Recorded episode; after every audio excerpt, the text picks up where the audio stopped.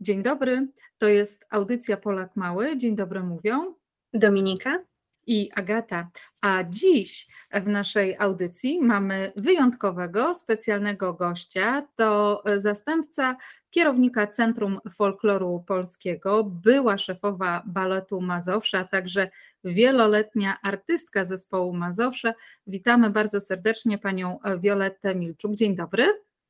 Dzień dobry, witam wszystkich serdecznie. Bardzo dziękujemy, że przyjęła Pani od nas e, zaproszenie. A tytułem wstępu e, powiemy Wam, że zespół Mazowsze należy do największych na świecie zespołów artystycznych sięgających do bogactwa e, narodowych tańców, piosenek, przyśpiewek i obyczajów. Nazwa zespołu wywodzi się od centralnego regionu Polski, Mazowsze. Jednak repertuar Mazowsza szybko rozszerzał się o folklor innych regionów.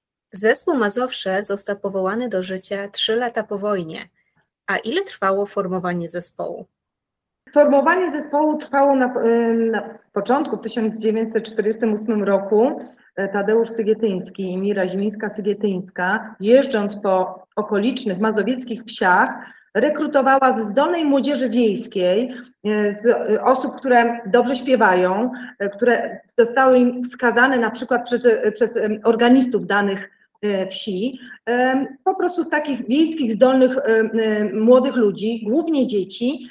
I taka grupa przyjechała do Karolina pod koniec roku 1948 i przez dwa lata z grupy około setki osób, dzieci w zasadzie, e, Tadeusz Sygietyński z Mirą Zimińską-Sygietyńską formowali grupę e, churalno-baletową przy oczywiście współpracy pedagogów tańca, baletu. I ta grupa młodych, zdolnych ludzi e, w 1950 roku, po dwóch latach przygotowań, wystąpiła pierwszy raz na scenie, na scenie Teatru Polskiego w Warszawie to był listopad, 6 e, listopad, e, w premierowym występie, gdzie e, zaprezentowali folklor wokalny i taneczny na początku z dwóch regionów, z Kurpi i z regionu opoczyńskiego. Tak wyglądały początki artystyczne zespołu Mazowsze. A czy forma działań e, zespołu zmieniła się jakoś od tego czasu, czy zespół jest bardzo podobny do tego e, pierwowzoru sprzed lat? Mm, oczywiście zmieniła się forma, bo zmieniła się też, e, zmieniła się też rekrutacja, tak? Obecnie już po, w zasadzie po pierwszych latach działalności zespołu, już w latach 50., 60., tak naprawdę Sygietyńscy zaczęli e, rekrutować e, już nie dzieci, tylko e, zdolną młodzież, ale już pełnoletnią. Były to już osoby, które miały wykształcenie artystyczne, taneczne, po szkołach baletowych osoby albo muzyczne. Oczywiście też muzyków do orkiestry rekrutowano. Jakby ta formuła osób dorosłych rekrutowanych do zespołu jest dokładnie pozostała do dzisiaj. E, i gdy ktoś ma ochotę e, stanąć do audycji, czy to do grupy baletowej, czy to do grupy churalnej, czy orkiestrowej, to musi spełniać e, konkretne warunki. Przede wszystkim musi być pełnoletni. To, czy ma szkołę artystyczną, czy jest po szkole baletowej, to już nie jest taki konkretny wymóg, bo tak naprawdę Mazowsze nie zamyka drzwi dla osób zdolnych, pasjonatów tańca, takich, którzy w zespołach amatorskich albo studenckich nauczyli się tańczyć polskie tańce narodowe, ludowe, E, I takie osoby, mając w sobie tą pasję i chęć e, tańczenia, też e, bardzo często stają do audycji w zespole Mazowsze i bardzo często zostają przyjęte. Oczywiście, co jest poza tym ważne, poza tym tą stroną jakby merytoryczną, czyli tą umiejętnością śpiewania, grania lub tańczenia, to również oczywiście aparycja. Aparycja, czyli wygląd, wygląd, który musi się wpisywać w kanon urody mazowszańskiej, tak? Czyli to muszą być bardzo ładne, sceniczne osoby, przystojni chłopcy, e, ładne dziewczyny, niekoniecznie blondynki, bo to nie kwestia tego, że to musi być słowiańska uroda, to po prostu musi być osoba sceniczna, którą lubi aparat fotograficzny, tak to się mówi, tak, którą kamera lubi, no i na scenie ktoś e, po prostu dobrze wygląda, a jak ma w sobie jeszcze taką iskrę taką i taki potencjał troszkę aktorski, to też e, są takie zalety przyszłego artysty Mazowsza, które są mile widziane na audycjach. I tak to teraz wygląda. Bardzo często audycje odbywają się właśnie latem, w czerwcu, w najbliższych tygodniach też będą audycje do baletu. Do orkiestry w zasadzie są permanentne, to jak się zgłosi ktoś chętny.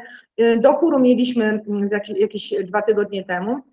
I to są e, osoby, które stając do audycji zostają sprawdzone pod względem e, technicznym, czy potrafią na przykład przyszli artyści chóru dobrze śpiewać, czy trafiają w dźwięki, czy trzymają się w swoim głosie, ale co jest jeszcze ważne, tak, artyści Mazowsza są uniwersalni i artyści chóru nie dosyć, że muszą śpiewać, to również muszą tańczyć, a artyści baletu muszą świetnie oczywiście się ruszać, ale również muszą um, śpiewać, nie mogą fałszować, ponieważ polski folklor ma w sobie y, i przyśpiewki, i tańce, a Mazowsze to wszystko łączy na scenie.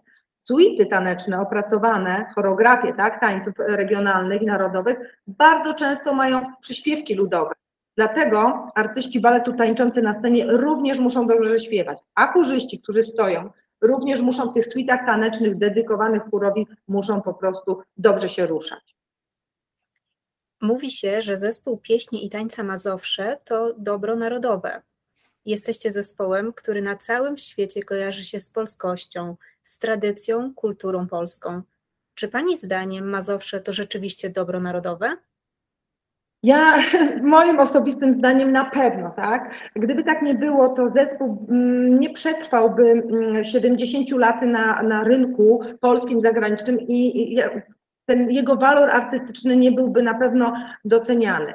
E, o Mazowszu się mówi, że to taki ambasador kultury polskiej, jeżeli chodzi oczywiście o występy zagraniczne. E, Jerzy Waldorf kiedyś powiedział, że to taka perła w koronie Rzeczypospolitej. E, I myślę, że wcale się nie pomyli, tak? Mazowsze ma jakby misją Mazowsza jest popularyzowanie, prezentowanie tego, co najpiękniejsze w polskiej tradycji, tak? Czyli tańce, pokazywanie, prezentowanie tańców polskich, narodowych, regionalnych, e, prezentowanie folkloru wokalnego, pokazywanie e, melodii, muzyki, tak? I, myślę, że to jest to, co dla Polski jest piękne i tożsame, tak? Jak znamy no, naszą kulturę e, i tradycję, no to jesteśmy, nie jesteśmy anonimowi na świecie, tak? Mamy swoją tożsamość narodową. A Mazowsze, y, prezentując to w tak pięknej formie, w formie y, koncertu, gdzie pokazujemy kolaż y, bogactwa polskiego folkloru, bo tak naprawdę polski folklor to bardzo, bardzo dużo pięknych tańców, różnych, tak, różnych regionów, piękne stroje, niezwykle różnorodny w zasadzie, jeżeli chodzi o folklor wokalny i muzyczny, bardzo dużo tego wszystkiego jest. Jesteśmy pod tym względem jednym chyba z najbardziej bogatych państw Europy. I jest co pokazywać. A jeszcze jest to tak pięknie opracowane. Pani Mira zadbała o to, by kostiumy prezentowały się odpowiednio na scenie. Opracowania choreograficzne, niezwykłe przez wielu choreografów, ale naczelnym tutaj choreografem przez wiele lat był Witold Zapała, który, który pięknie e, skomponował wiele tutaj suite tanecznych. Do tego oprawa muzyczna, orkiestra, no taki dwugodzinny koncert, y, taki nasz sztandarowy y, kalejdoskop barw polskich, to naprawdę rzecz, która nie może się nie podobać, a niesie za sobą bardzo dużo i emocji, i wrażeń, i też takiej edukacji, tak? Wiele osób, nie znając polskiego folkloru, jest zadziwione, jak jest on bogaty i barwny. I to jest wartość. Jeżeli e, ktokolwiek choć raz w życiu widział występy zespołu Mazowsze, ten wie, że to e, nie, e, niezwykle barwne przedstawienie. Ile razy w czasie występu tancerze i śpiewacy muszą się przebierać? Dwugodzinny koncert to jest zwyczaj dla artystów, nie ma co ukrywać. Zazwyczaj taki dwugodzinny koncert to prezentacja około 20 regionów. E, zespół Mazowsze, zespół artystyczny, ten, który na scenie jest oglądany, czyli balet i chór, e, podzielony jest na grupy, na niską i wysoką. W związku z tym te 20 regionów dzieli się jakby na pół, czyli każdy z nich średnio od 8 do 10 razy wychodzi na scenę, przebierając się w bardzo szybkim tempie, zmieniając kostiumy I tak naprawdę konstrukcja koncertu to jest właśnie pokaz na przykład małej grupy baletowej, grupy churalnej, grupy wysokiej, żeby można było się przebrać i prezentować następną suitę, to tak musi być skonstruowany właśnie mm, e, ten e, nasz e, sztandarowy kalejdoskop. Więc średnio od 8 do 10 razy mm, artysta się przebiera. I to nie jest też proste, ponieważ nie ma tutaj garderobianych dla każdego. Każdy musi się sam albo przy tutaj pomocy kolegów przebrać, a do przebrania jest wiele, bo wiemy, jak, e, że elementy stroju ludowego, zależy z jakiego regionu, jest ich bardzo dużo, tak? Dziewczyny mają jeszcze problem dodatkowy, bo muszą przeczesywać włosy, zakładać chustki albo czepki, albo wianki na głowę, zmieniać kokardki, zmieniać halki, buty wiązać na czerwone, na czarne. No tych elementów jest bardzo dużo i bardziej stresująca dla artystów jest właśnie ta przebiórka między koncertami niż samo wyjście na scenę, tak? Czy zdążę, czy wszystko dopięte, czy sznurówki schowane, e, czy wszystko jest zawiązane, czy guziki dopięte, dopięte. więc tak naprawdę e, to, to mniej więcej 8-10 razy. A ile waży najcięższy strój ludowy? O, najcięższy, najcięższy oczywiście to ten nasz e, najpiękniejszy mm, Łowicki, a w Mazowszu odmianą taką najcięższą e, kostiumu łowickiego to jest e, kostium kocierzewski. To jest oczywiście też region łowicki, ale z wsi podłowickiej, z Kocierzewa. On jest mniej więcej około od 16 do 18 kg. Tak ciężki, ponieważ wełna naturalna jest plisowana w grube takie fałdy, plisy.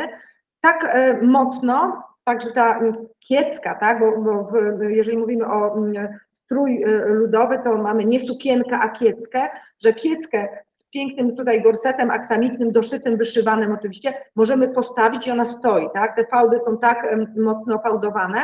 Do tego dochodzi zapaska, która jest równie piękna, bogato zdobiona, ale tak samo ciężka, więc tak naprawdę w tej, w tej odmianie kocierzewskiej nasze artystki chóru głównie stoją i śpiewają. Ale łowicz, czyli strój łowicki, już ten taki typowy, który znamy, w zasadzie każdy zna i wie, że to jest pasiak kolorowy, też wcale nie jest e, lżejszy, bo on około 12-14 kg waży, a już w tych łowickich kostiumach artystki chóru i baletu robią e, cały finał, tańczą przepięknego mazura, poleczkę, rozkręcają się, wirują, kręcą i jest to naprawdę też duży wyczyn, nauczyć się panować nad, y, w ruchu nad takim kostiumem.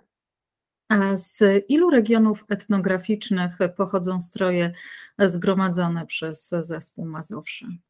Zespół ma opracowanych teraz 40, miał 42, teraz zostały opracowane e, jeszcze dwa regiony, regiony, bo tak naprawdę zespół ma oczywiście więcej e, kostiumów, bo są też kostiumy stylowe, do Ronda ala Krakowiak, które zostało e, stworzone jako ostatnia choreografia przed śmiercią Witolda Zapały, też są odpowiednie stroje stylizowane krakowskie, więc tych strojów jest więcej, ale samych regionów etnograficznych to są 43 regiony i tak naprawdę dalej można by było penetrować tutaj Polskę, bo, bo to, to nie wszystko, co jeszcze można oczywiście odnaleźć i opracować. Tych regionów te makroregiony, czyli takie duże, takie standardowe, czyli krakowskie kostiumy, góralskie, kostiumy kaszubskie, kurpiowskie, one są. Natomiast jest dużo pięknych takich e, regionalnych kostiumów, ale z danego dużego e, regionu, czyli na przykład kostiumy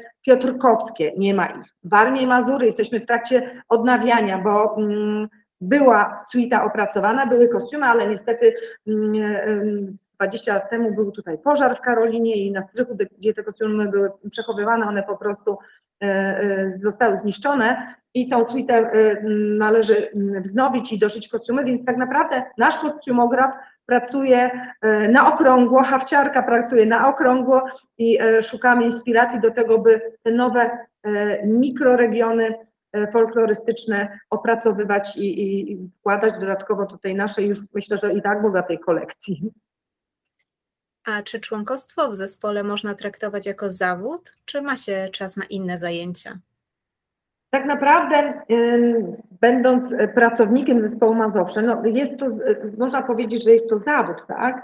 E, ja przyszłam do zespołu, mm, kończąc szkołę baletową, jako tan zawodowa tancerka, i tak naprawdę praca w zespole pochłania większą część czasu ale no, nie jest to tak, że e, nie zawiązują się tutaj e, jakieś związki, że nie, nie pobierają się ludzie, że dzieci się nie rodzą i, e, i nasi artyści nie mają swojego życia poza Mazowszem. Jest to no, bardzo ograniczone czasowo, bo tak naprawdę zespół tutaj pochłania większą część czasu, bo są wyjazdy, są koncerty zagraniczne, są koncerty oczywiście na miejscu, ale tak naprawdę ja uważam, że, że, to, jest, że to jest styl życia, tak? bo nawet jeżeli ktoś nie jest zawodowym tancerzem albo wokalistą, e, to tutaj e, pracując w zespole Mazowsze musi dostosować swoje życie do tego, by móc być artystą zespołu.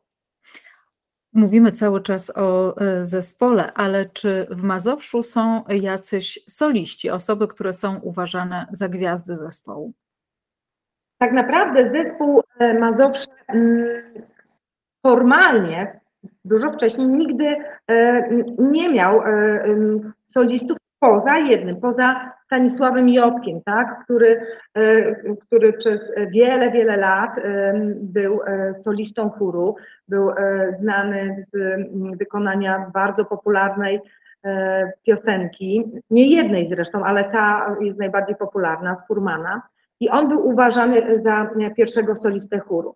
E, ta struktura, e, jeżeli chodzi o chór i balet, też była zmienna. Na początku wszyscy pracowali jako artyści zespołu, pomimo że w trakcie koncertów, e, suitach tanecznych są oczywiście partie solistyczne, są partie duetowe, no tak jest opracowana, opracowana dana choreografia, to formalnie nie było solistów. Teraz mamy tą gradację, która jakby jest przypisana zespołom baletowym. Jest corps de ballet, czy, jest zespół baletowy, koryfej, czyli taki y, solista od solówek, które są drugoplanowe, solista, czyli ten, kto wykonuje w danej choreografii partię solową i jest też pierwszy solista, czyli taka osoba, która wykonuje te najważniejsze, najpiękniejsze solówki, wykonuje najlepiej. I tak samo też e, e, wygląda to mm, bardzo podobnie w chórze.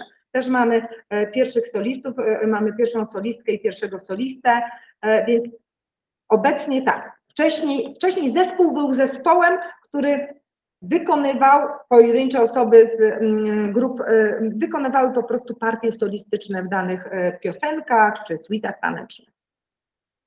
Zespół istnieje już kilkadziesiąt lat jedni członkowie odchodzą z zespołu, drudzy do niego dołączają. Czy to znaczy, że pomimo tego, iż mamy niesamowity rozwój kulturowo-społeczny, moda na folklor nie przemija? Ja myślę, że moda na folklor na szczęście y, on przechodzi oczywiście różne etapy, tak? Był etap, y, gdzie Mazowsze było bardzo popularne, tak? Później były różne transformacje społeczne y, i, i polityczne i ten, ten, ta, ta moda na, na, na folklor była troszeczkę spadła, tak? Było, to było takie niszowe, nawet nie było takie trendy. Teraz na szczęście zauważamy duże zainteresowanie folklorem polskim w wielu dziedzinach, nie tylko tanecznych, tak? Mówimy też oczywiście o designie, o tym, że ubrania, mm, biżuteria, e, czy nawet jeżeli chodzi o jakieś e, elementy wystroju, dekoracji, to też wszystko gdzieś jest inspirowane folklorem i zaczyna być na to moda. I myślę, że, e, że tu Mazowsze się świetnie jakby to wszystko wpisuje. Ja na sobie akurat mam dzisiaj bluzę, która jest też w nowej kolekcji Mazowsza, tu można, akurat panie mnie widzą, mam taką parzenicę mm, góralską wyhaftowaną na ramionach, to też świadczy o tym, że młodzi ludzie, bo nam się folklor y, zazwyczaj kojarzy, a to tym folklorem to tylko interesują się starsi, a tak do końca nie jest że młodzi ludzie też szukają tego typu rzeczy, więc e, kolekcję, którą Mazowsze wypuściło, właśnie kolekcję taką tekstyliów, czyli t-shirtów, kardiganów, sukienek, kolekcję sportową, e, akurat nie kolorową, tylko biało-czarną, trochę na przekór temu, że ten folklor jest taki barwny i kolorowy, to też daje nam świadectwo do tego, że, że jednak e, ludzie się tym interesują, szukają takich rzeczy. Więc y, myślę, że ta moda na folklor jest, no i oby była, tak? Ja temu jak najbardziej tutaj mm, sekunduję. Zespół Mazowsze możemy oglądać na całym świecie, bowiem występujecie w różnych zakątkach e, świata, nie tylko w Polsce. Ale gdzie zespół Mazowsze ma swoją siedzibę? Jeżeli my tutaj z zagranicy chcielibyśmy Was odwiedzić, zobaczyć wszystkie te piękne stroje, czy jest takie miejsce, gdzie możemy Was spotkać? Tak, no, to jest przepiękne miejsce, tak? Ukochane, które mnie na, prawie na 30 lat tutaj E, wciągnęło. Karolin, tak? Karolin w Oterembusach, e, to jest miejscowość e, pod Warszawą. Przepiękne miejsce, które jest położone w tak naprawdę siedziba historyczna, Pałac Karolin, położony jest na przestrzeni 12-hektarowego E, parku, więc e, przepiękne tutaj e, mamy widoki za oknem, przepiękny park.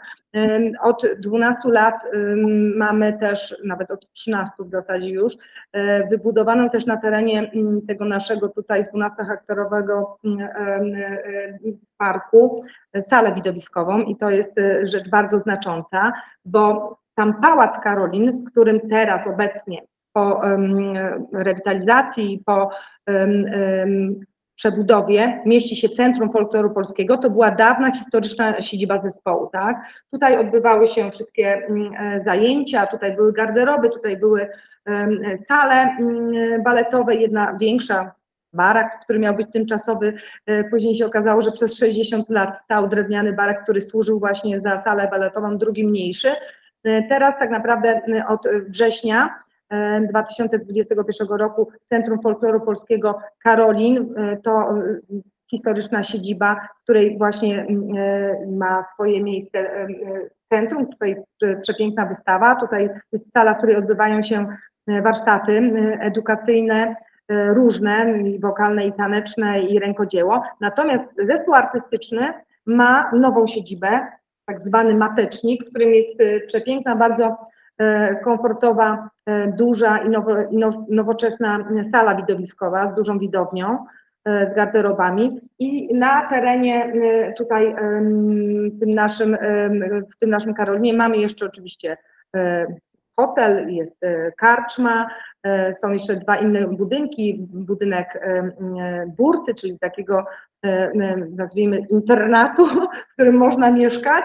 E, I jeszcze jest taki, taki historyczny budynek Wawel, gdzie są pomieszczenia e, administracyjne, ale tak naprawdę to wszystko, to najważniejsze, to dzieje się w Mateczniku, a to, co edukacyjne i historyczno-wystawiennicze, to właśnie się dzieje w Centrum Folkloru Polskiego w dawnej siedzibie w Pałacyku.